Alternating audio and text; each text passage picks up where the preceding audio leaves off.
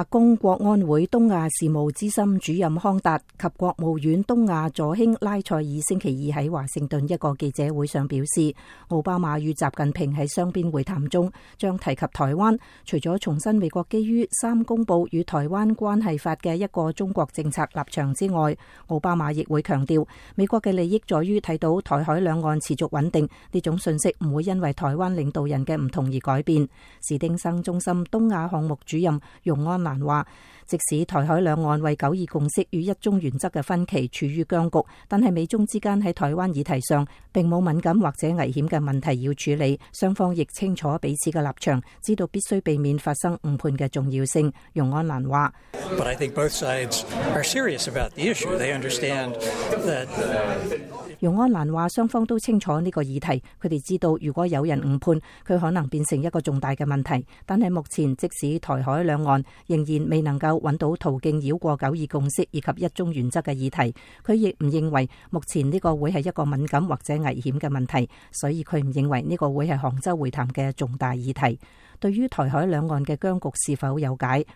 容安南话：北京与蔡英文政府都唔愿意情势失控，彼此间唔能够话完全冇沟通。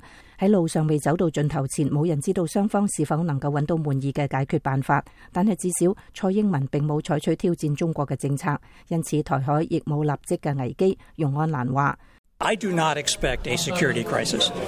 杨安兰表示，佢唔预期会发生安全危机。